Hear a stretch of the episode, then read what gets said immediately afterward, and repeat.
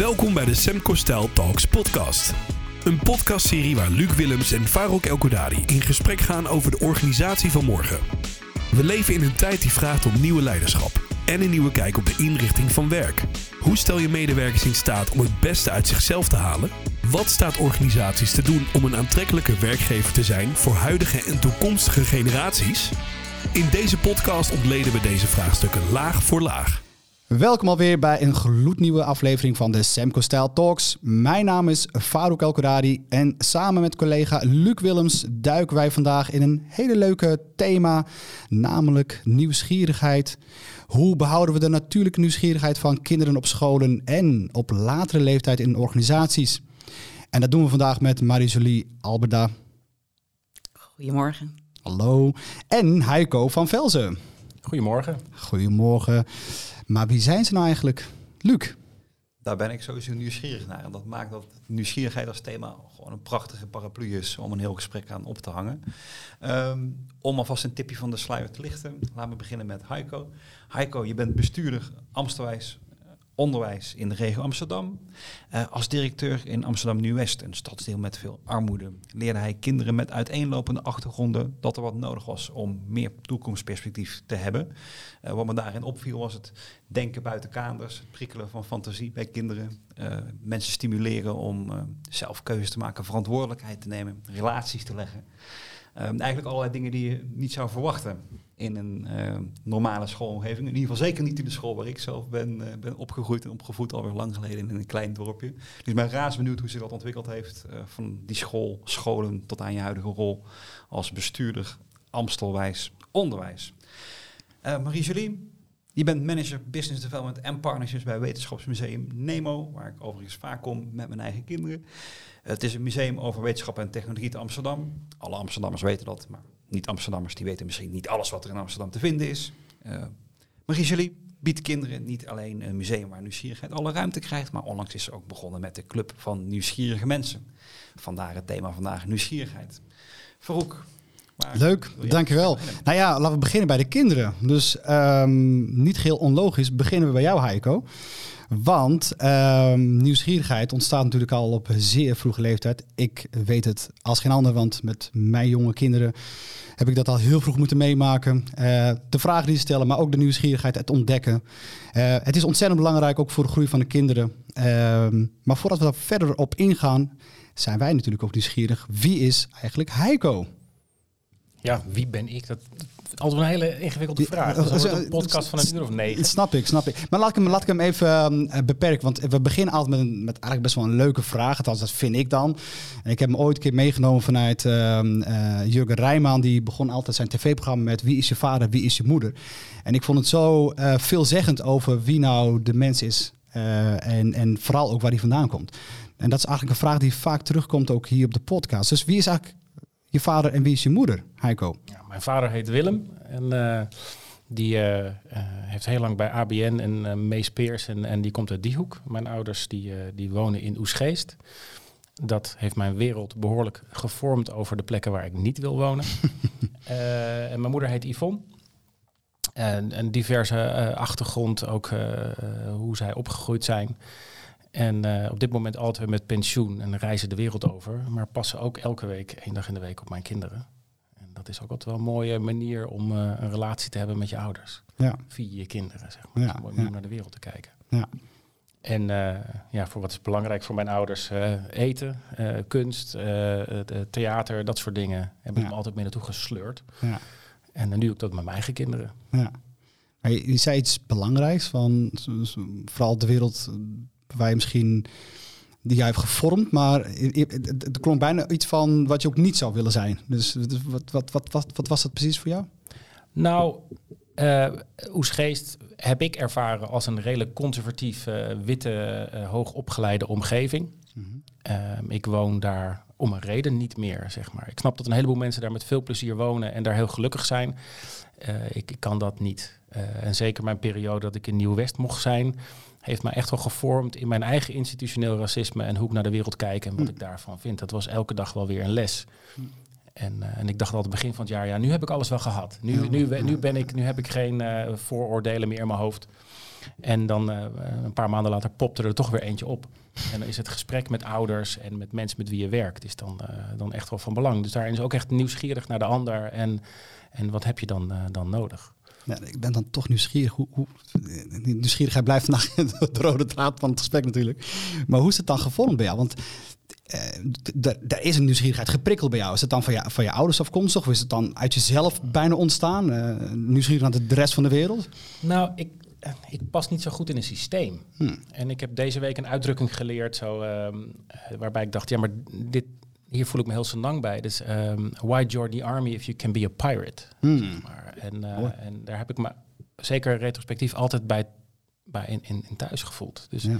ik, ik wil niet meedoen met de massa. Uh, ik heb altijd nou ja, altijd de klas uitgestuurd en uh, niet meedoen en dat soort dingen. Ik ben overal altijd wel met gedoe weggegaan, omdat ik niet, ik kan me niet conformeren aan die massa. Ja. Omdat ik daar ook een soort, uh, ja, hoe moet je dat zeggen, uh, conformisme of zo in voel, waarbij ik denk, ja, maar hier gaat het niet over. We vermijden het echte gesprekken, we vermijden uh, wat we eigenlijk willen weten, of onze nieuwsgierigheid, en we doen mee met de massa omdat we bang zijn uh, dat, we, dat we veroordeeld worden voor wat we daadwerkelijk vinden. Ja. En dat heb ik niet zozeer van mijn ouders. Dat is denk ik wel een soort uh, draadje wat niet helemaal goed aangedraaid is in mijn hoofd of zo. Dat is een ja, ja, kortsluiting ja, af en toe. Ja, ja. Het doet me denken aan, uh, aan een andere quote van, van Ricardo Semler. Uh, je hoeft een kind niet te leren leren. Leren is wat kinderen het beste kunnen. Ja, ja. Nou, maar jij zei net van uh, nieuwsgierigheid ontstaat heel vroeg uh, of, of zoiets. Ja, ja, ja. Maar je wordt geboren met nieuwsgierigheid. Het enige wat we doen is dat we dat vonkje zeg maar uitdoven door regels en afspraken. En, en volgens mij kan nieuwsgierigheid ook niet bestaan zonder fantasie. Hm. En uh, wat we weten over, zeg je mooi. over kinderen, of over mensen, zeg maar. Het eerste wat uitdooft is als je in een situatie zit van, van conflict. Dus uh, seksuele mishandeling, oorlog, strijd, weet ik veel, is dat fantasie uitdooft. Ja. Um, en fantasie is iets waar je mee geboren wordt, maar dan moet je wel voeden. Ja. En fantasie is het grote middel om te kunnen ontsnappen. Dus als je in een oorlogssituatie zit en je hebt fantasie, dan kan je bedenken: oké, ik moet ergens anders zijn. Wat heb ik te doen om daar te komen? Daar heb je allemaal fantasie voor nodig, ja. omdat het er niet is. En, en daarbij heb je nieuwsgierigheid nodig om te ontdekken hoe dat dan werkt. En als je, ja. dat, als je dat uitdooft, dan, dan werkt niks meer. Dan word je een soort machine die reproduceert. Ja. En dat was voor ons in Nieuw-West ook de, uh, de, het haakje. We zijn niet begonnen met nieuwsgierigheid, we zijn begonnen met fantasieontwikkeling. Uh, en dat is, nou moet je maar eens gaan doen met volwassenen. Weet je, als je een tafel vol spuit met scheerschuim en dan zegt, ga maar tekenen, kijk eens je allemaal aan of je gek bent. Weet je wel? Dus, maar daar gaan we het zo meteen nog over hebben hè, met, dat zijn, uh, met dat zijn fantastische dingen. Dus volgens mij begint nieuwsgierigheid, dat hebben we. En het, het, voor mij is het belang is fantasie. Ja, maar het, het, het klinkt bijna een soort van verwijt. Richting, richting misschien wel het, het schoolsysteem ook wel. Dat, dat we dat misschien met z'n allen bewust misschien ook wel doen? Of, of is nee, dat... Het schoolsysteem vind ik te makkelijk. Het, het, is meer, als het een verwijt is, is het een verwijt naar ons allemaal, inclusief ja? mijzelf en de hele maatschappij. Ja, het schoolsysteem is een uiting van hoe wij als maatschappij zijn. Dus school is onderdeel van de maatschappij en wordt vormgegeven door de maatschappij in alles wat wij vinden en wat wij doen. Ja. En ook gedreven door onze angsten. Dus wij geven onze hele maatschappij vorm vanuit wantrouwen, niet vanuit vertrouwen. We maken regels mm. omdat mensen niet doen wat ze moeten doen. In plaats van dat we mensen stimuleren om te doen wat we moeten doen.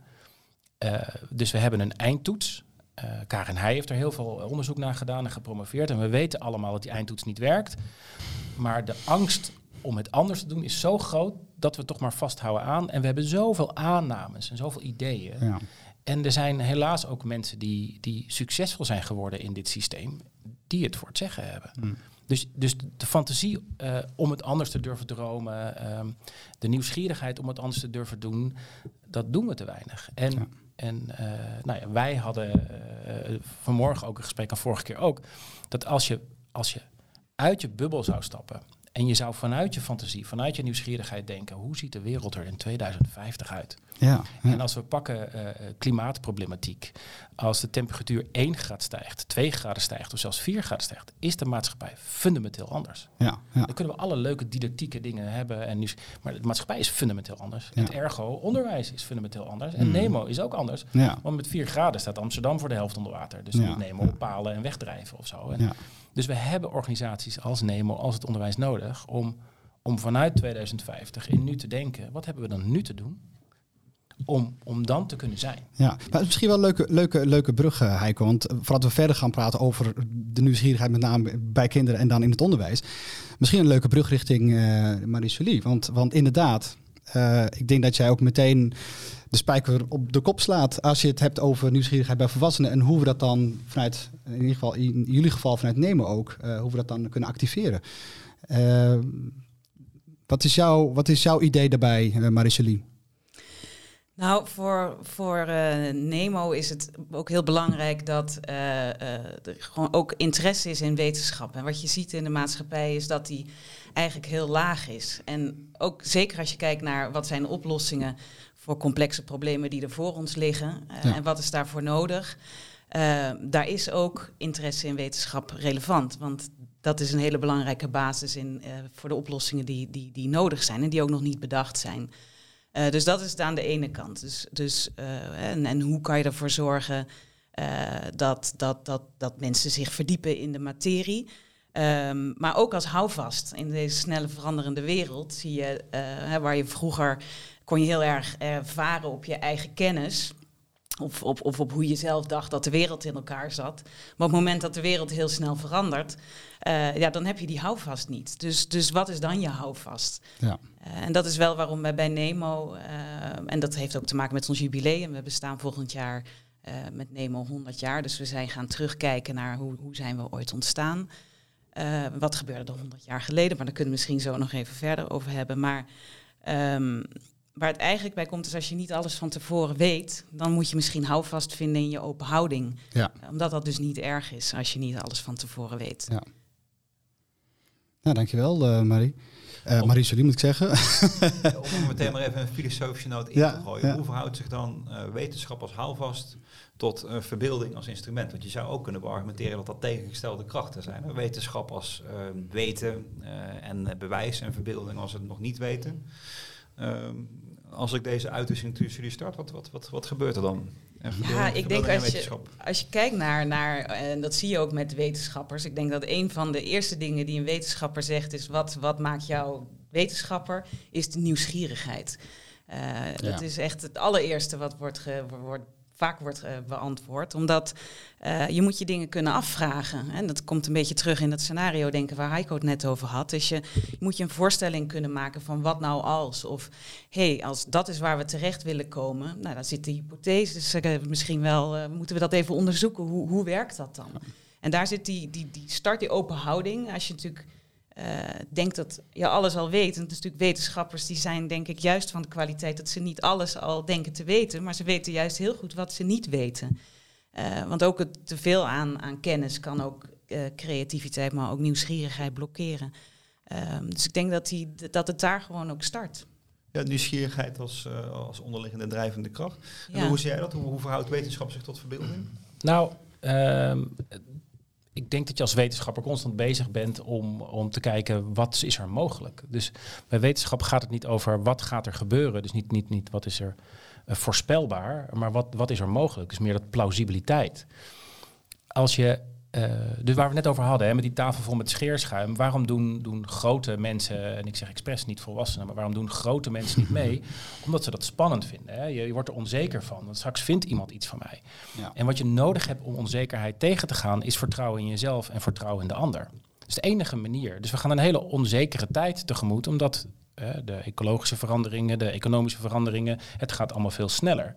Daar word je onzeker van, daar word je ibelig van. En dan kan je vasthouden aan alles wat we ooit gedaan hebben. Of je kan vanuit zelfvertrouwen zeggen, maar dat komt wel goed. Hmm. Weet je, ik weet wie ik ben, ik weet wat ik te doen heb. En als ik het niet weet, dan heb ik een aantal mensen om me heen die het wel weten. Dus als wij dat mee kunnen geven uh, aan de wetenschappers van de toekomst, dat als zij over grote uitdagingen uh, gaan nadenken die wij te doen hebben en zeggen, ja, maar als ik het niet weet, dan werk ik met een team samen en een van ons heeft altijd wel stapje, stapje één en heeft iemand ja. anders wel stapje twee. Dan werken we dus ook aan een vorm van vertrouwen in elkaar en dan hoef je niet vast te houden aan het verleden. En daarbij denk ik dat wetenschap een van de belangrijkste innovaties en drijfveren zou, zou kunnen zijn als we dat goed vorm blijven geven. Wat je nu wel ziet is een soort tendens om de wetenschap het artikel van de week over eh, Jaap van Dissel ook. En die ingestond. We verguizen de wetenschap ook op dit moment. We maken de wetenschap onbetrouwbaar door, door dingen die wij vinden. Dus eh, zeven jaar medicijnenstudie is minder waard dan anderhalf uur googelen. En dat, dat vind ik best wel, wel moeilijk. Ja. Eh, ook omdat wij niet om leren gaan met die onzekerheid. Want je moet het vertrouwen, als ik het niet weet, moet ik het vertrouwen aan Marie-Julie geven dat zij het misschien wel weet. Ja. Of in ieder geval het eerste stapje weet. Hmm. Ja, en ik Dat denk wat wat. ook belangrijk is, is dat je jezelf afvraagt ook wat, wat vind ik er überhaupt van. Hè? Soms, soms start het ook daar. En dat is ook voor Nemo reden om, om ons ook op volwassenen te richten.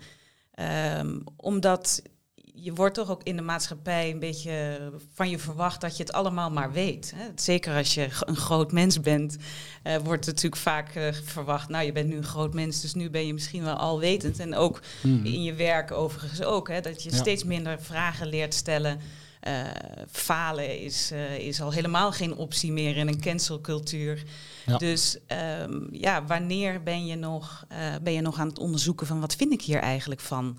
Eh, dat is vooral voor Nemo ook belangrijk om, om ons, eh, ja, aan de volwassenen ook vooral eh, in, in de studio gaat dat plaatsvinden met tentoonstellingen, om ook daarin, en dan gaat het dus niet om een cursus AI, wat is het, maar meer, en in dit geval nieuwe tentoonstelling over, ehm, over energie. Ja. Ja, wat, wat, hoe verhoud je je tot het thema? Ben jij verslaafd aan energie of niet? En dat zijn vaak hele complexe vraagstukken die we dan, ik denk dat dat ook, dat is ook wel de kracht van Nemo, dat we die eh, behapbaar proberen te maken. En, en vanuit spelende wijs leren, dus ook Ja. eh, dat dat iets is waar je ook mee, eh, mee uit de voeten kan. En een aha-moment, of, of al is het maar dat je er later, als je iets leest of als je iets ziet, dat je dan daar even op aangaat. Of dat je tijdens een verjaardagsfeestje misschien net even wel een vraag stelt over iets wat je bij, bij ons dan hebt, hebt gezien. Ja. Ehm, maar goed, uiteindelijk ook voor nieuwsgierigheid, het is ook waar leren start. Dus als je het hebt over de wetenschap, eh, daar start leren.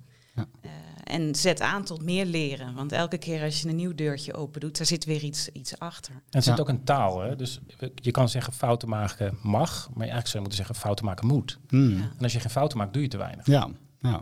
En alleen in een maatschappij waarin fouten toch niet echt eh, eh, nou ja, als positief gezien worden, Mhm. dan kan dat bijna niet. Terwijl, nou, jij hebt jonge kinderen, eh, het leren van kinderen is een opeenstapeling van fouten.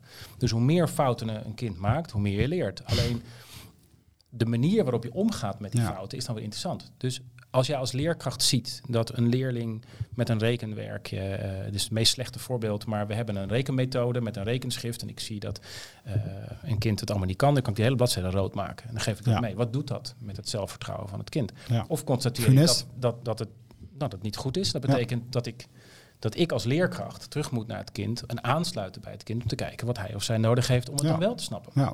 Dus ehm, als maatschappij vanuit wantrouwen zitten we heel erg in het nakijken. Want als ik dat als leerkracht niet deed, dan kwamen ouders wel eens naar me toe die zeiden: Je hebt deze bladzijde niet aangekeken.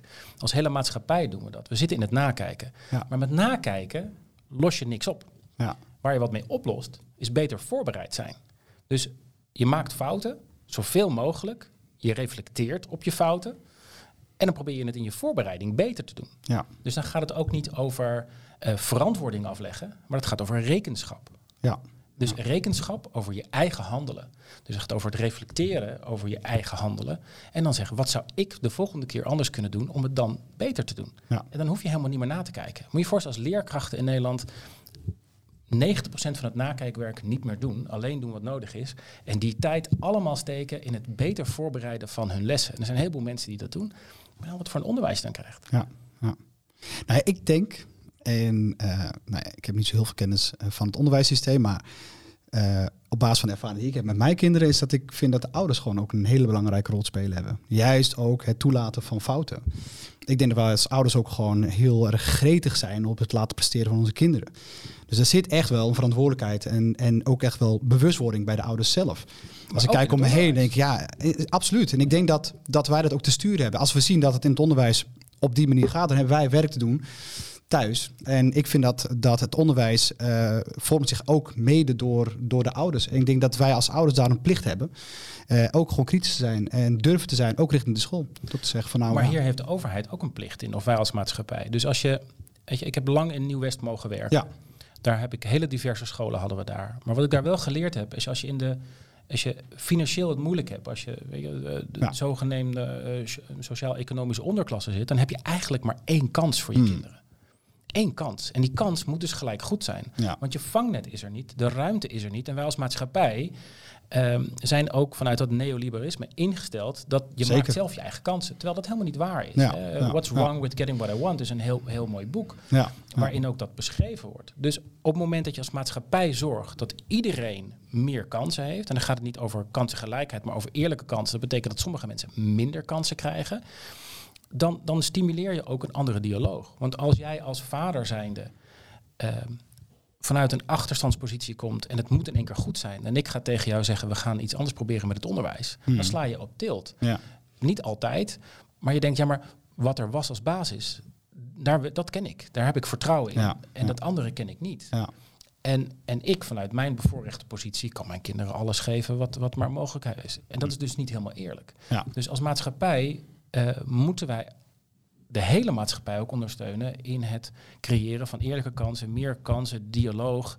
Ehm, eh, daar, dus ook met veel scholen, maar met ouders ook naar musea als Nemo, maar ook naar het Rijksmuseum, ogen openen. Maak het gewoon allemaal gratis. Weet je? Maak openbaar vervoer gratis. Ja. Ja. Dat soort dingen. Nou, en wat Ja. natuurlijk ook interessant is, is dat leren is ook geen lineair proces. Het is iets Nee. wat, wat continu is. Hè? Dus ook in, eh heb je natuurlijk formele leeromgeving als een school, waar je een kind is daar 16% van de, van de dag eh, is een school, een activiteit. Maar de overige percentages zijn ze gewoon andere dingen aan het doen, waar ook geleerd wordt. Hè? We noemen dat bij Nemo altijd mooi het informele leren. Mhm. Ehm, maar daarin ook van wat is daarin het proces en hoe heb je van bibliotheek tot inderdaad een museum, maar ook eh, de naschoolse opvang, eh, misschien wel de buurthuizen. Eh, wat is, maar ook vooral thuis is daar ook een hele belangrijke rol. Hoe is die samenhang in die leerecosystemen eigenlijk? Omdat het leren niet stopt op het moment dat de school uitgaat. En ehm, we hebben een aantal jaar geleden leuk onderzoek gedaan, onder andere met, met Naturalis ook. Ehm, en dat gaat over dan leren waar nieuwsgierigheid ontstaat. Ja. En ook van welke stapjes eh, en begeleiding hebben kinderen dan eigenlijk nodig om dus die drempels te verlagen, om ook door te leren. En voor alle kinderen is dat natuurlijk eh, heel belangrijk, maar vooral om gelijke kansen te eh, hebben. Ehm, hoe kan je ervoor zorgen dat die kinderen mee kunnen doen en participeren? Ehm, maar dat kan ook bijvoorbeeld zijn, hè, je zit op, sommige kinderen zitten op muziek, eh, andere kinderen gaan wel eens naar een bibliotheek. Maar er zijn natuurlijk heel veel kinderen die daar helemaal niet mee in aanraking komen. Dus wat voor andere Hm. eh, spelers zijn daar dan, waaronder een, eh, een buurthuis bijvoorbeeld, die daarin ook een rol kunnen spelen. En dat kan zijn dat je koekjes gaat bakken, wat heel leuk is.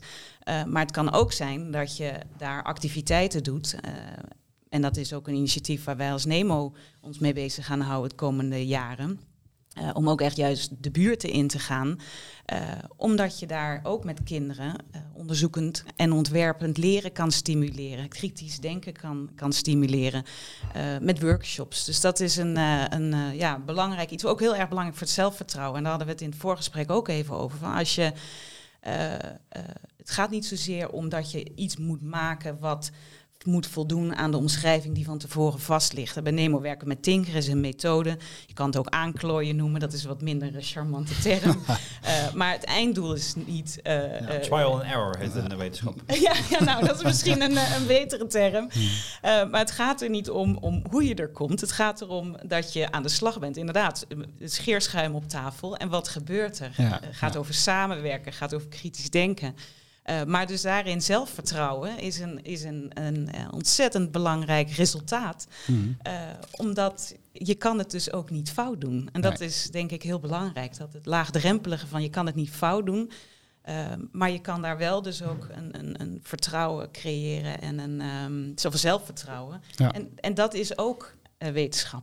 Ja, want hoe was het voor jou dan? Want we zijn eigenlijk meteen doorgegaan eigenlijk op van, van nieuwsgierigheid bij kinderen naar nieuwsgierigheid voor volwassenen. Ja, Maar hoe was het voor jou als kind dan? Want, want wat, hoe, ja, hoe, hoe ziet jouw hoe zag jouw jeugd eruit? En, Ja. eh, want de vraag die wij natuurlijk aan, aan, aan Heiko hebben gesteld, die stelt Ja. natuurlijk ook aan jou. ja. Want Ja. Nou, ik kom uit een, eh, uit een, echt uit, uit een HR-nest. Mijn Mhm. ouders komen allebei uit, eh, de, uit Rijswijk, de regio Den Haag.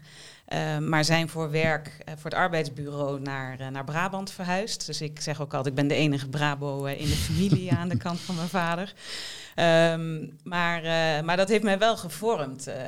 HR-thema's, groei, hoe, wat is ook een fijne werkplek. Mijn vader was dan directeur van een, van een klein arbeidsbureau in, in, in Deurne of all places. Mm Um, maar daarin ook een hele belangrijke regionale aantrekkingskracht, ook voor allerlei uh, uh, werkgevers. En, en daar gebeurt natuurlijk wel een hele hoop in de regio. Uh, maar ook die thematiek ook over eerlijkheid en kansen krijgen. Ehm, maar ook dat je eigenlijk alles kan doen. En dat je als, je, als, je, als je ervoor wil gaan, moet je ook die kansen pakken. Maar daarin wel opgegroeid in een, um, ja, hoe zeg je dat? Het is wel een ja, we denken relatief weinig diversiteit. En dat sluit ook een beetje aan bij wat jij ook net zei. Um, maar mijn moeder heeft ook altijd gewerkt. Dus als je het hebt over van ja, wat heeft je gevormd? Ik heb altijd een, een, werkende moeder gehad. Uh, wat nu heel normaal is, godzijdank. Maar destijds, ik denk wel dat ik een van de weinige kinderen was op het schoolplein die, die zelf naar huis ging of met de oppas. Um, en, ja, maar bij fijne, fijne jeugd en, ja, en nieuwsgierigheid. Um, als, je, als je het zeg maar persoonlijk maakt, en ik denk dat iedereen daar wel wat soul searching voor, voor moet doen. Is wel een belangrijke vraag om ook jezelf te stellen: ben je zelf nieuwsgierig? En dat is hmm. wel iets, uh, als je dat echt eerlijk beantwoordt, waarvan ik niet eens altijd weet of dat ook echt zo is. bij mezelf. Ik bedoel, ik, het, het, het, maatschappelijke antwoord, het sociaal wenselijke antwoord is: ja, natuurlijk ben ik nieuwsgierig. Maar ik heb, voel ook wel eens blokkades. En zeker als het gaat over nieuwe technologie. Uh, weet je, weer het, uh, het, updaten van mijn iPhone. Of, uh, nou, maar ook bijvoorbeeld, stap je wel of niet naar voren op het moment dat je een VR-experience kan doen op een congres. Dat heb ik zelf al meegemaakt. Eigenlijk schreeuwt mijn lijf, ja, dat wil ik. Maar tegelijkertijd denk ik, ja, maar iedereen zit te kijken. Ja, ja. stap je dan naar voren. En juist om ook met deze thematiek bezig te zijn bij, bij Nemo uh, en die bewustwording eigenlijk, die heeft mij wel ge getriggerd dat ik nu dat dus besef. Dat ik denk, oh, maar ik stap eigenlijk een beetje naar achter. Uh, dit is dus juist het moment dat ik gewoon even naar voren moet stappen. En, en gewoon in zo'n VR-experience gaan liggen. Ja, why not? Wat is het ergste eigenlijk wat je nou kan overkomen? Nou, waarschijnlijk, waarschijnlijk wat je vage, vage angstbeelden in je hoofd hebt. Een quote die me in het eerdere deel van het gesprek in me opkwam was... Uh, angst is je verbeelding op een uh, verkeerde manier gebruiken. Dus zou, zou, je op, zou je op dat moment zitten denken... hé, hey, wat leuk, wat, wat kan hem allemaal brengen? Weet je, vanuit een positieve vraagstelling. En ja, dan voelt het waarschijnlijk al heel anders dan vanuit de eerste onbe bijna onbewuste negatieve associaties... die eigenlijk met verbeelding te maken hebben, met de negatieve kracht van. Ja, nou en dat is ook heel leuk, want uh, bij een mooi voorbeeld is ook, we hebben bij Nemo een, een robot in de, in de entree staan. Uh, nou, we hebben natuurlijk ontzettend veel kinderen die komen over de vloer. Uh, en die robot, die, nou, die is inmiddels echt, heeft een zware burn-out. Want die wordt altijd overal mee naartoe gesjouwd. Je kan de interactie mee aangaan, je kan zwaaien, maar hij kan eigenlijk niet zoveel. Dat is een robot, die kan wel heel veel, maar daar hebben we de budgetten niet voor om die helemaal te spicen. Maar dat goed, dus hij kan een paar dingen. En die kids die gaan daar helemaal los op. Maar het mooie is dus, ik was een tijd geleden bij een grote bank ergens in Nederland. En dan zat ik in de lobby en daar stond diezelfde uh, robot. Dus ik dacht, hé, hey, wat leuk, hier is die ook. Um, en die lobby was helemaal gevuld met volwassenen. En wat je ziet, die robot, daar kon je echt aanmelden. Die was helemaal geprogrammeerd. Daar kon je zeggen wie je was. Uh, die zou degene bij wie je op bezoek kwam, die zou die bellen. Uh, zodat hij wist dat, het dat de afspraak er was. Nou, welke koffie wilde je drinken? Alles kon die robot doen. Maar wat zag je? Dat die ene naar de andere volwassene die binnenkwam, overigens inclusief ikzelf die liep met een grote boog om die robot heen. Om vervolgens naar die traditionele mevrouw, die ook achter de balie staat met een sjaaltje, om daar te zeggen: Dag, ik ben uh, Marie-Julie Alberda ik heb een afspraak met die en die. En nou, toen ik een kwartiertje moest wachten op mijn eigen afspraak, dat was echt een soort eye-opener. Dat ik denk, jeetje mina, weet je. En dan, toen zat ik een beetje te brainstormen met mezelf over hoe zou dat dan zijn als die twee robots elkaar in de bar tegenkomen en de ene die zegt tegen de ander van ik kan het echt niet meer bij Nemo. en dat die ander zegt, nou zullen we anders wisselen? Want ik heb echt, ik ben zo verveeld. Niemand doet iets met me. Nou ja, en dan gaat mijn fantasie op hol en dan zie ik ze dat ze even een tijd uh, uitwisselen. Dat wij dat als volwassenen dan niet eens doorhebben, maar dat al die kinderen denken, het is een hele andere robot. Wat doet hij hier? Ja. Dus het klinkt alsof je, over die vraag die je zelf straks inbracht, uh, namelijk hoe verhoud ik mij hiertoe, dat je die, die zelf ook steeds vaker stelt. Ja, ja zeker. Toch? Ja. En, en, dat is ook meteen een, um, een soort praktisch handvat. Want er zijn eigenlijk de twee, twee dingen die ik beluister in ons eigen gesprek. Hè. En dan wil ik ook uitspreken hoe me daartoe verhoud. Want dan, dan zijn we meteen practice as you preach. Uh, de ene kant is bijna institutioneel heel groot. Hè, met de toekomst en de grote trends. En het hele systeem uh, wat mensen uh, op dezelfde plek houdt. Uh, waarbij je, en daarom ook moet kijken, niet naar scholen, maar naar buurthuizen. En dan denk ik, dat hele systeem, en hoe, hoe verander je nou dat hele systeem? Daar zou ik bijna moedeloos van worden. Maar aan de andere kant, en dat geloof ik ook echt, en misschien ben ik ook gewoon een, een, een, een schoenmaker die bij zijn lees blijft of die, die luistert naar wat ik to, toch al weet. maar het, het, andere wat ik beluister is veel praktischer en bijna handzamer. En dat is welke vragen stel je jezelf, welke gesprekken ga je aan? En die zijn eigenlijk dagdagelijks al te doen. Hè? Jezelf de vraag stellen, hoe verhoud ik mij hiertoe? Is al een hele mooie, of wat vind ik hier eigenlijk van? Ja, yep. Maar een ander thema wat jij net noemde ook, uh, namelijk... Uh, waar, neem ik, waar neem ik rekenschap voor of waar neem ik verantwoordelijkheid over? Dat, uh, dat, zijn, dat zijn gesprekken en woorden waarmee je zelf ook kan veranderen. Nou, in, de, in de pedagogiek heb je iets dat heet de plek der moeite. En dat is, je zit op een verjaardag en die tante komt binnen en je voelt het in je buik. Dan denk je, oh, heb je er weer? Of je oom, of je weet ik veel wat. Of je, je, loopt buiten en je ziet die, die ene buurman of buurvrouw terecht of afkomen, dat je de winkel induikt. Dat je, oh, of je komt in een situatie waar je nog nooit geweest bent en je moet iets gaan doen en je voelt weer in je buik. Oh, weet je, dat steeds dat gevoel. En dat noem je de plek der moeite. En dat is eigenlijk een soort signaal van je lichaam. Je gaat nu iets doen wat spannend is.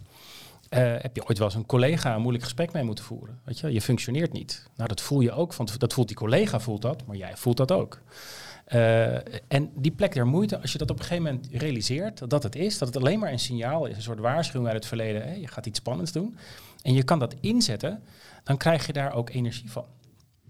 En dan kan je ook het, het, uh, het, het spel eromheen, en dat bedoel ik niet zo banaal als het klinkt, maar dan kan je ook genieten van het feit dat je het zo voelt.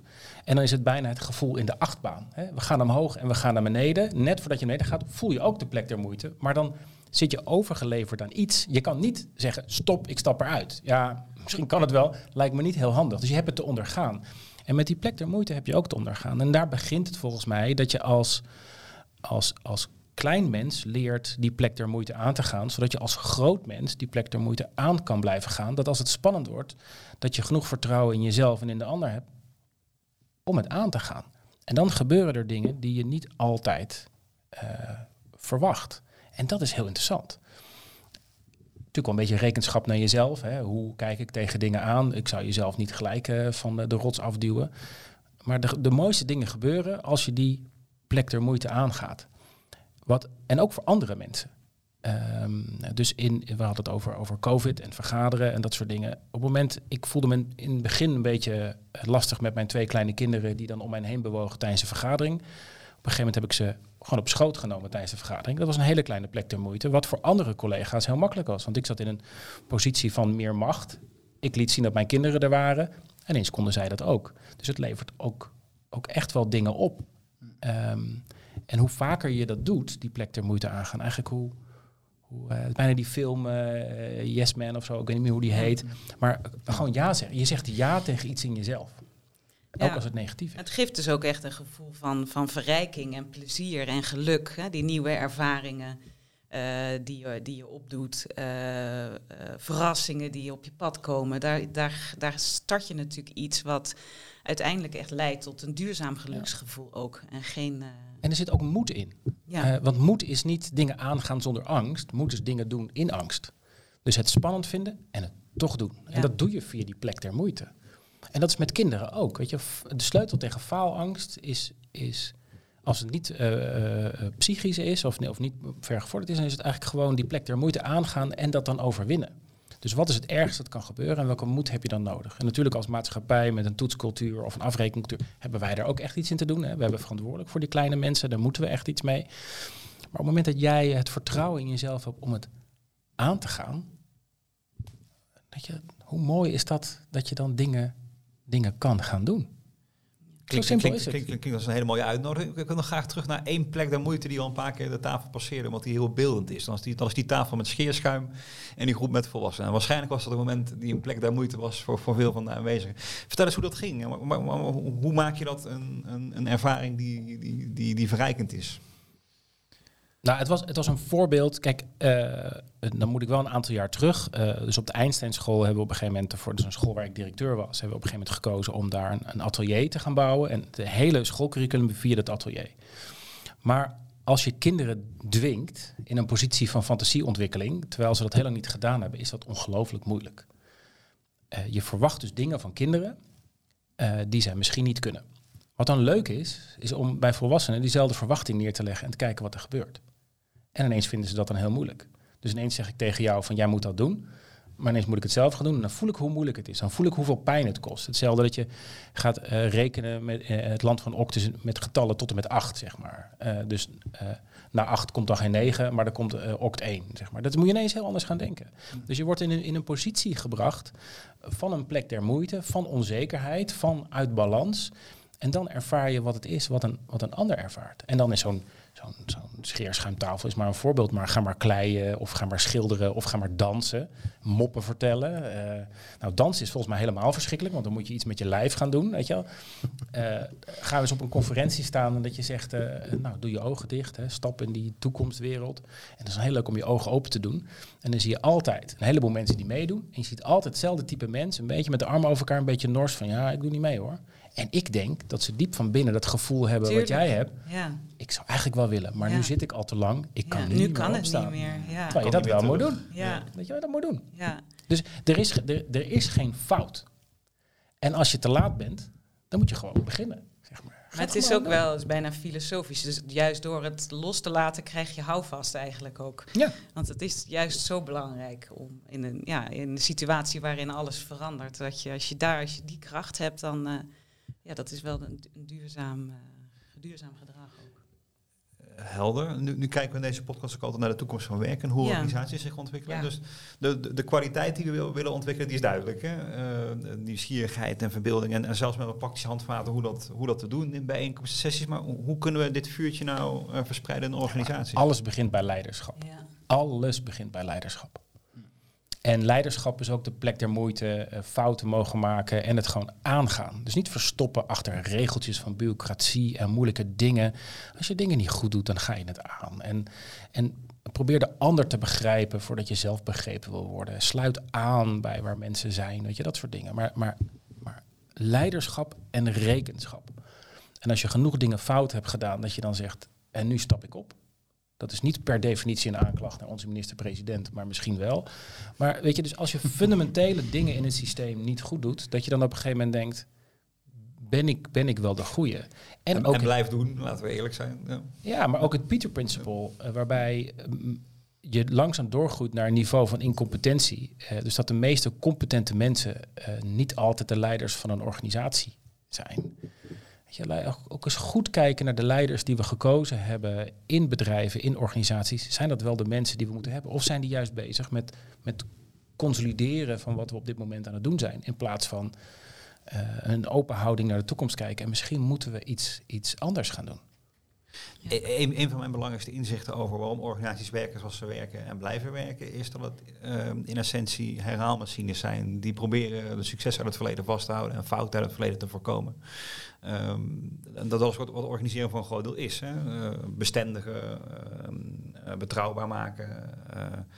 Uh, opschaalbaar maken enzovoort. Maar het hele anglo-saxische model is daarop gebaseerd. Mm. Dus het hele model van uh, voorspelbaarheid en, en, en regels en protocollen en dingen is daarop ge op gebaseerd.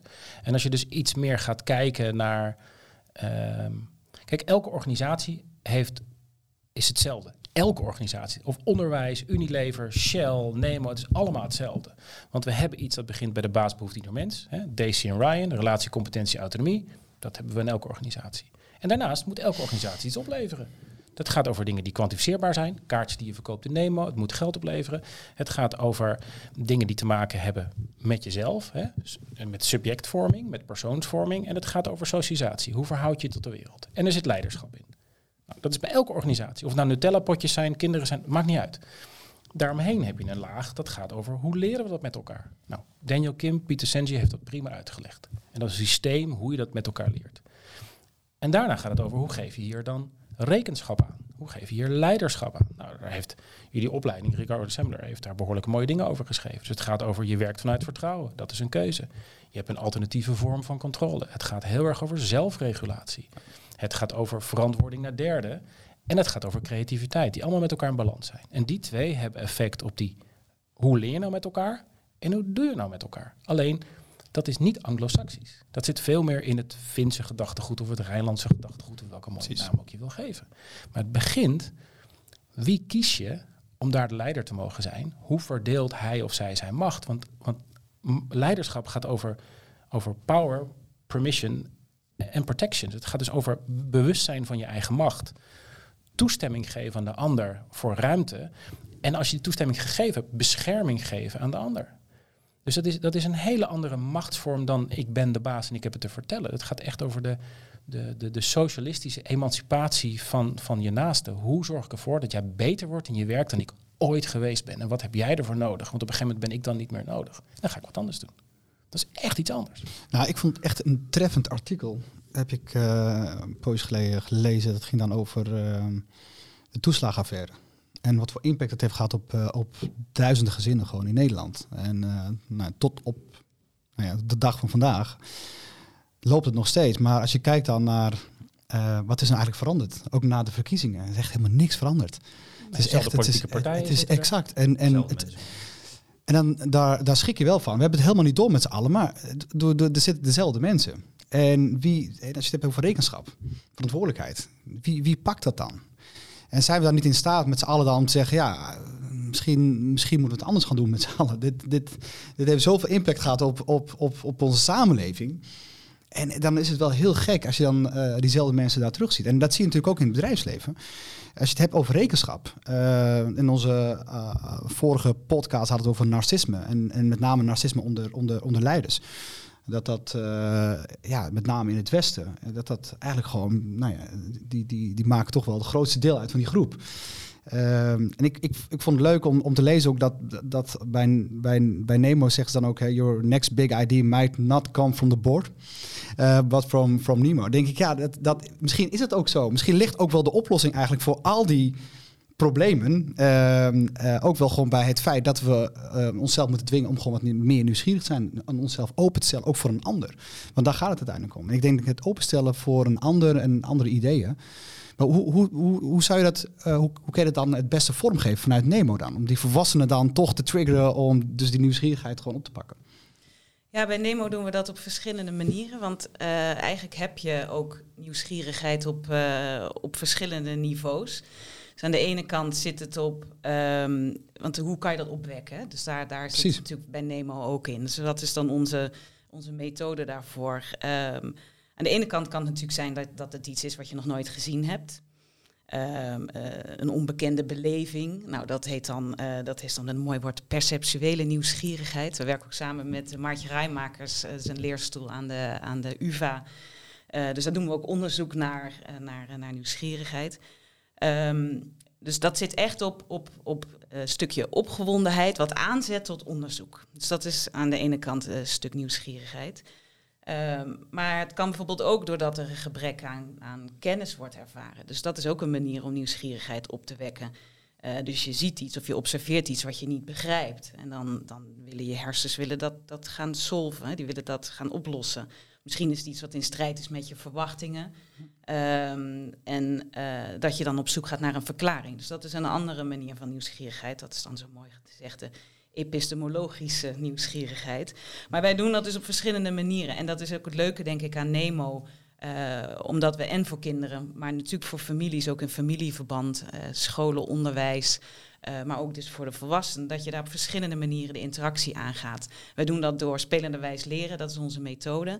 Uh, en dat is dus hands-on, brains-on. Dus het gaat ook niet alleen om dat je iets moet lezen. Uh, eigenlijk heel vaak lees je echt helemaal niks, maar ga je gewoon aan de slag. Dus hands-on, brains-on is een andere manier van leren, waar je dus ook um, uh, nou ja, de ervaring beklijft. Um, maar dat is dus in, in, in experimenteren, soms is het luisteren. We hebben ook artikelen met Kennislink, ons platform. Dat gaat weer veel meer ook over, over de, de, de achtergrond. Uh, maar ook proefjes doen, zelf in, nou ja, we, hadden het al even over, hè, zelf in de zeepbel staan. Die is heel bekend bij, bij Nemo, maar ook tot een kettingreactie zien. En denken, hé, hey, actie is reactie. Oh ja, ik zie het gewoon gebeuren. Nou, en dat, dat dan vervolgens dat je dan hoort, en dat bleek dus ook uit Heiko met zijn kinderen, dat je dan hoort dat iemand thuis uh, ook aan de slag gaat met het bouwen van een kettingreactie met alle huistuin- en keukenspullen die je hebt uh, in je tuin of door je hele huis. Ja, dat is natuurlijk super gaaf. Hè? Dus het, wat we bij Nemo proberen is iets te triggeren, waarmee als je dan later nou, naar huis gaat, dat je denkt, goh, maar hoe staat dat nou eigenlijk? Of goh, ik zoek het nog eens op. Of we hebben ook heel veel online proefjes. Ja. Uh, dat, dat, dat, dat, uh, dat, doet iets, uh, dat doet iets met je. Ja. Wat, wat nou als je morgen alle leiders van Nederland bij elkaar zou krijgen bij Nemo? Ja. Ja, wat, wat, wat, wat zou je mee beginnen? Ja. De deur op slot doen? nou, dat is wel heel leuk. Um, want ik denk wat er dan gebeurt, is dat het heel erg te maken heeft met dat er heel veel mensen uit hun comfortzone mogelijk zouden moeten stappen. Mhm. En dat gaat natuurlijk niet zonder schuren. Ja. Uh, dus ik denk dat, je, uh, dat, dat, ook, dat veiligheid ook heel belangrijk is. Hè? Voel je je veilig om, om, om, om te veranderen? Voel je je veilig om de dingen te doen waarvan je misschien wel denkt dat je het moet doen? Maar de vraag is ook, ik denk ook dat heel veel leiders het helemaal niet meer zien. Ja, als je het hebt over, je benoemde net al, wat zijn een beetje eigenschappen van nieuwsgierigheid. Dat gaat over openheid, openstaan voor de ander, openstaan voor Ja. nieuwe dingen, nieuwe ervaringen, het stellen van vragen. Uh, nou, ik denk hoeveel leiders zijn zich echt nog bewust van het aantal vragen dat ze stellen? Of denken ze dat, dat het allemaal al gesneden koek is? Hè? Uh, ja, het verbaast me soms ook. Dan, dan lees je dat Rutte dan ergens, uh, in, ergens naartoe is gegaan en denkt, nou, ik, ben, ik heb het nu met mijn eigen ogen gezien. Het is Ja, niet te geloven. Dan denk ik, maar Ja. hoezo? Is het pas waar als je het met je eigen ogen ziet? Is het dan, en dan lijkt het, dat lijkt vaak wel, dat als leiders wat verder afstaan van de materie, dat ze een soort ze- hè, het zelf zien, dat is pas geloven. Maar ja, dan moet je wel je ogen open hebben. Eh, en of misschien moet het helemaal niet eens zo ver komen, maar kan je het soms ook gewoon aannemen. Ja. En dat is, nou ja, die even toeslagenverre die je net benoemd, staat natuurlijk ook een, een, voorbeeld van. Heel schrijnend voorbeeld. Uh, maar, is- ja, is dus dan- de deur bij Nemo dicht en dan zitten alle leiders daar. nou, ik denk dat het spiegelen met, met kinderen is natuurlijk ook mooi. Hè? Dat je, eh, en dat is wat wij vaak bij Nemo doen, ook als we met, eh, met, met partners aan tafel gaan. Is vaak een gesprek gaat als allereerste over, eh, heb je ook kinderen? Eh, ben je wel eens bij Nemo geweest? Maar door dan eigenlijk de vraag te stellen, en eigenlijk deed jij dat net ook door naar onze achtergrond te vragen, hè, van wat voor beestje ben je? Nou, je kinderen definiëren je ook voor een heel, of je neefjes, nichtjes, ik bedoel, niet Mhm. iedereen heeft natuurlijk kinderen, maar door te, door te spiegelen aan, aan kinderen, ehm, ja, kan je misschien ook weer even terug naar je, naar je eigen kind zijn. Ja. En dat maakt het ook gelijk heel persoonlijk. En ik denk dat dat ook wel heel belangrijk is. eh. Maar het zit hem ook niet zozeer in dat de leiders bij Nemo zijn, maar het zit hem in de volgende dag. ja, Hmm. Dus je ziet het wel vaker. Hè? Je, je, je, je, je ziet een prachtige film of je een mooi toneelstuk of je gaat ergens kijken en je komt helemaal ontroerd naar buiten. En als je dan binnen één of twee dagen niks verandert in, Ja. je, in je dagelijkse handelen, dag drie weet je het niet eens meer. Klopt. Dus je Ja. hebt, je hebt eh, een Marcel van Herpen die eh, met pedagogisch tact en met Luc Stevens in het begin met Nivels aan de gang gaat. En die vertelde een verhaal eh, aan leerkrachten ook. Nou, er kwam geen leerkracht met, met droge ogen naar buiten. Iedereen was geschokt, in de war en dacht, mijn god, ik maak de hele wereld stuk. Ja. En als je dan niks verandert in het dagelijks handelen in die eerste of die tweede dag, op dag drie doen ze gewoon wat ze altijd deden. Dat is niet een aanklacht aan deze mensen. Helemaal niet. Dat is gewoon hoe het werkt. Dat is voor leiders natuurlijk ook.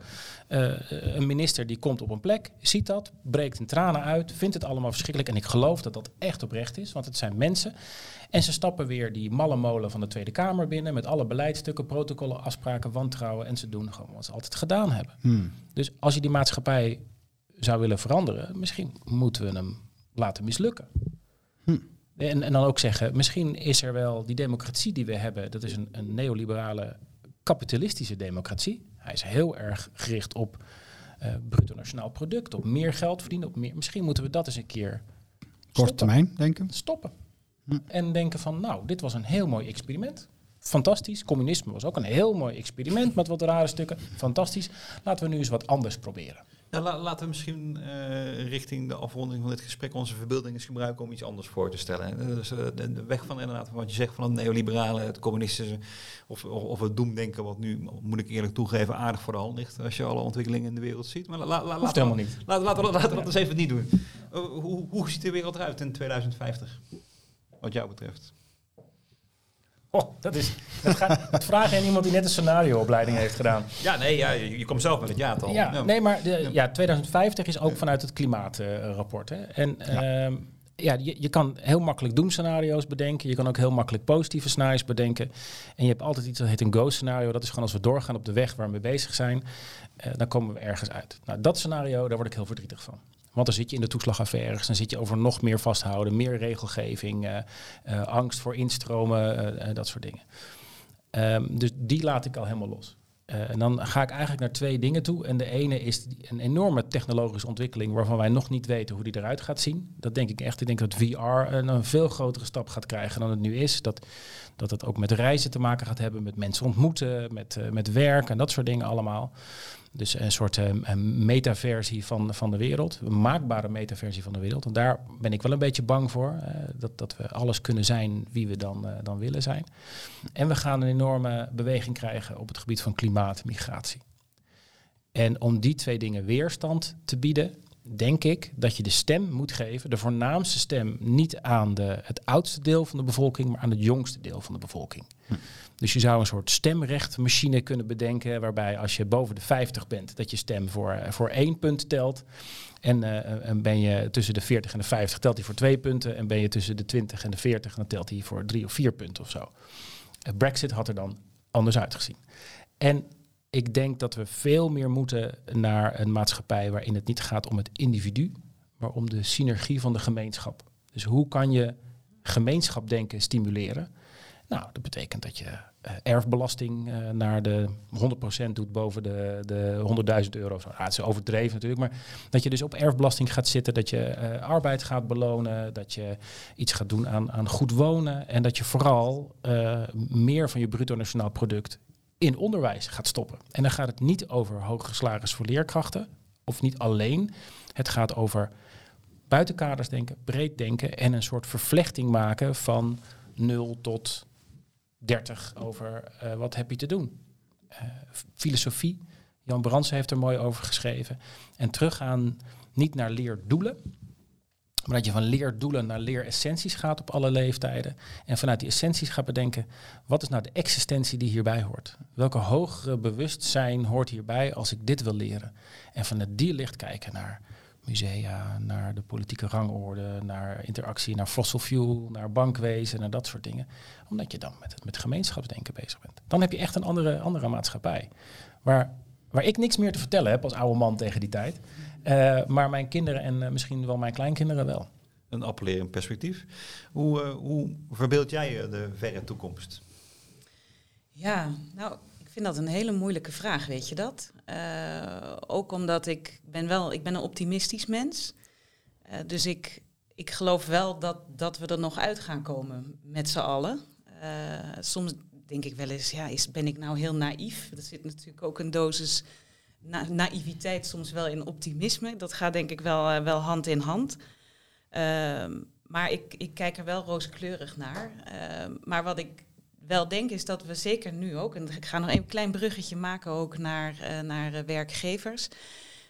Um, is dat wat, ik, wat me wel zorgen baart, is dat er nu ontzettend korte termijn wordt gehandeld. Hè. Als, je, als ik ook spreek met mensen, veel ook vanuit HR, Uh, weinig lange termijn visie. Uh, het moet allemaal nu, dingen worden uitgesteld. Zijn uh, beleid rammelt aan alle kanten.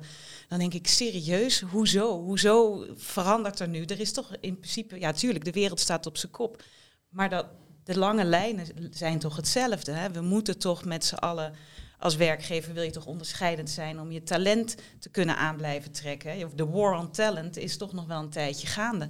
Waarom ben je dan niet bezig met je, met je employee brand? Hè? Waarom ben je niet bezig om jezelf in de markt te zetten als een aantrekkelijke werkgever? En dan, dan denk ik, daar horen gewoon dingen bij als uh, uh, ook innovatiekracht. En dat is natuurlijk ook waar het voordeel zit van waarom wil je nieuwsgierigheid stimuleren onder je medewerkers? Innovativiteit, super relevant uh, om uiteindelijk aan die oplossingen te werken die ik als positief mens hoop dat dat er gaat komen. Um, maar ook het plezier en geluksgevoel van medewerkers. Dat ze, dat ze op een fijne manier kunnen werken, maar ook veel beter kunnen samenwerken. Dus op het moment dat het gaat over die open houding, heb je die ook naar elkaar. En het blijkt dus ook uit onderzoek dat er veel minder conflicten ontstaan in een, in een, uh, in een omgeving. Uh, waarbij je ook vanuit die open houding met elkaar uh, samenwerkt. Meer creativiteit ontstaat. Dus misschien zit het in dan uh, in, in die leiders van de toekomst ook. Uh, ja, wellicht zijn allemaal open deuren eigenlijk. Maar misschien soms zijn de dingen zo logisch dat je ze misschien niet meer ziet. Ja. Uh, maar dat waarom is zo duidelijk. De belemmeringen zijn heel duidelijk. En de oplossing is ook heel duidelijk. Want je kan gewoon morgen beginnen met het stimuleren van uh, nieuwsgierigheid op de werkvloer. Door zelf dus ook dat voorbeeld te geven. Uh, nee, of het dan gaat om het belonen van, van nieuwsgierigheid, maar ook om gewoon open te zijn over wat heb je gewoon echt heel, hè, wat is gewoon helemaal verkeerd gegaan. Ja. En er zijn gelukkig ook bedrijven die dan, uh, nou pardon my French, maar fuck-up meetings hebben. Ja. Waar je gewoon op podium iemand hebt die gewoon echt vertelt, dit is zo mislukt. Geweldig ik hoop in, uh, dat we in de toekomst daar uh, meer van uh, gaan hebben. Ja. ja, en voor mij zou het dan, dan dat inderdaad, maar dat die ontschotting er ook uitgaat. Dus er is niet een verschil tussen leven en leren. Je leeft.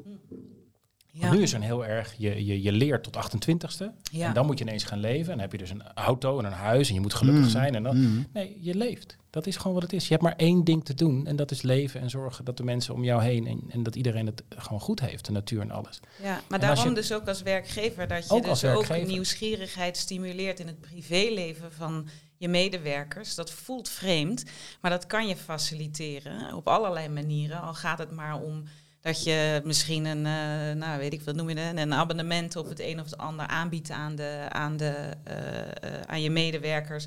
Maar ook, um, ja, dat zijn gewoon dingen, daar kan je, kan je morgen mee starten. Maar inderdaad, dat gaat als je ook jonge kinderen hebt. Over, ja, je moet je leven eigenlijk andersom leven. Dat is sowieso, zouden we dat allemaal En het gewoon dicht bij elkaar brengen. Er, er, is geen, er zou geen verschil moeten zijn tussen corporate en private en al die andere dingen en public. Het is, het is eigenlijk zijn we allemaal, zouden we allemaal een gemeenschappelijk doel moeten hebben.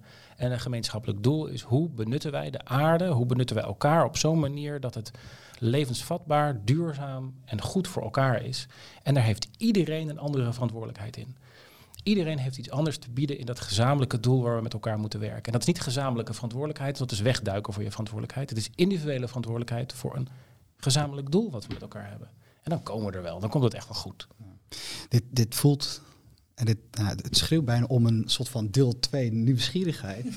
Want we zitten helaas echt tegen het einde aan van, uh, van, uh, van deze podcast. En ik, ik merk aan mezelf dat ik het in ieder geval onwijs boeiend vind. Dus ik heb ook echt wel. Uh, Um, heel prettig naar deze podcast zitten luisteren. En ik heb in ieder geval een paar nieuwe dingen opgestoken. Ik heb ze ook allemaal opgeschreven.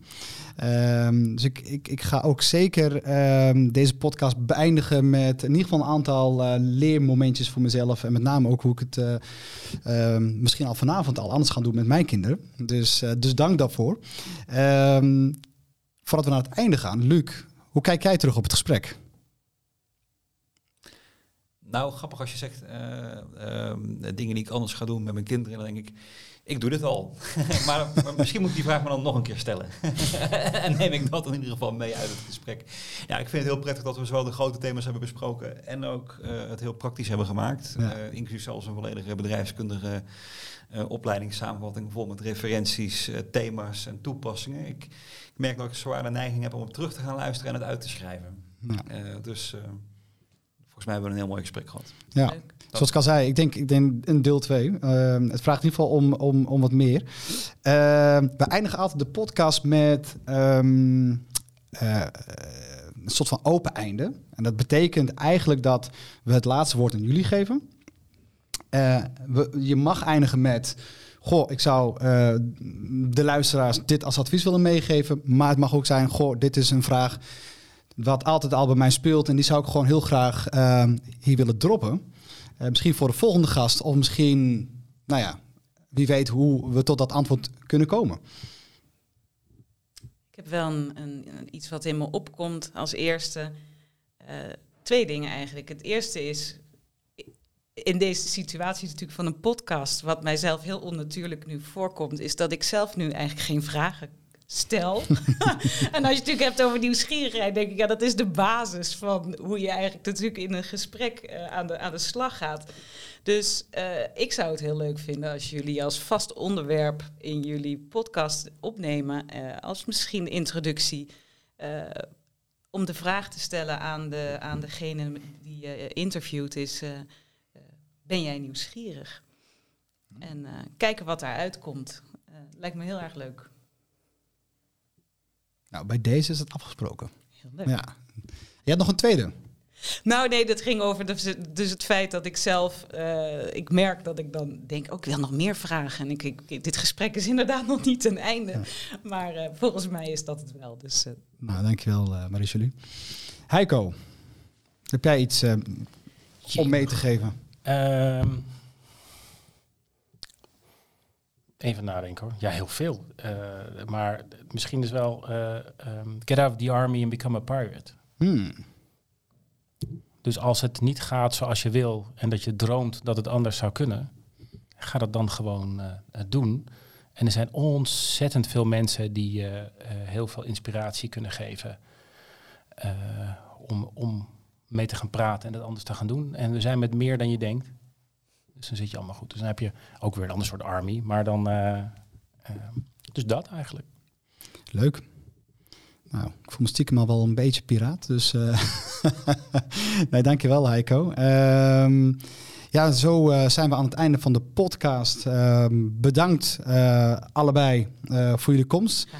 En ik ga in ieder geval mijn best doen. Ik hoop dat jullie daarvoor openstaan om nog een keertje een soort van deel 2 podcast over nieuwsgierigheid te organiseren.